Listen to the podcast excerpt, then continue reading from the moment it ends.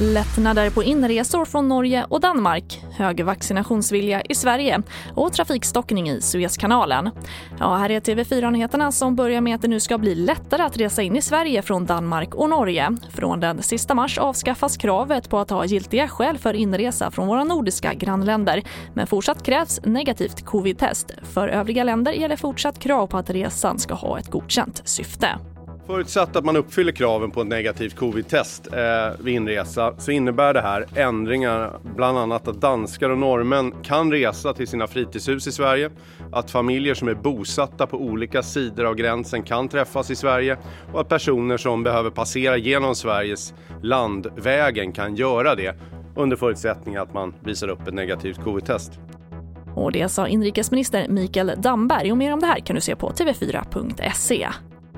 Och trots rapporter om tveksamheter med AstraZenecas vaccin så har svenskarnas vilja att vaccinera sig ökat. Det visar en ny undersökning där 8 av 10 säger ja till vaccin, vilket är en ökning från november förra året. Och de flesta tycks inte bry sig om vilket vaccin de får.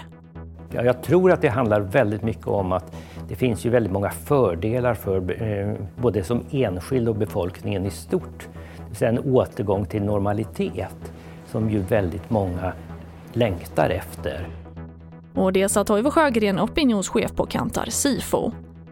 Och avslutningsvis kan vi notera att det har kört ihop sig lite i den för sjöfarten så viktiga Suezkanalen som förbinder Medelhavet med Indiska oceanen. Ett containerfartyg har kört på grund och ställt sig på tvären över den smala passagen och blockerar sedan igår morse all trafik.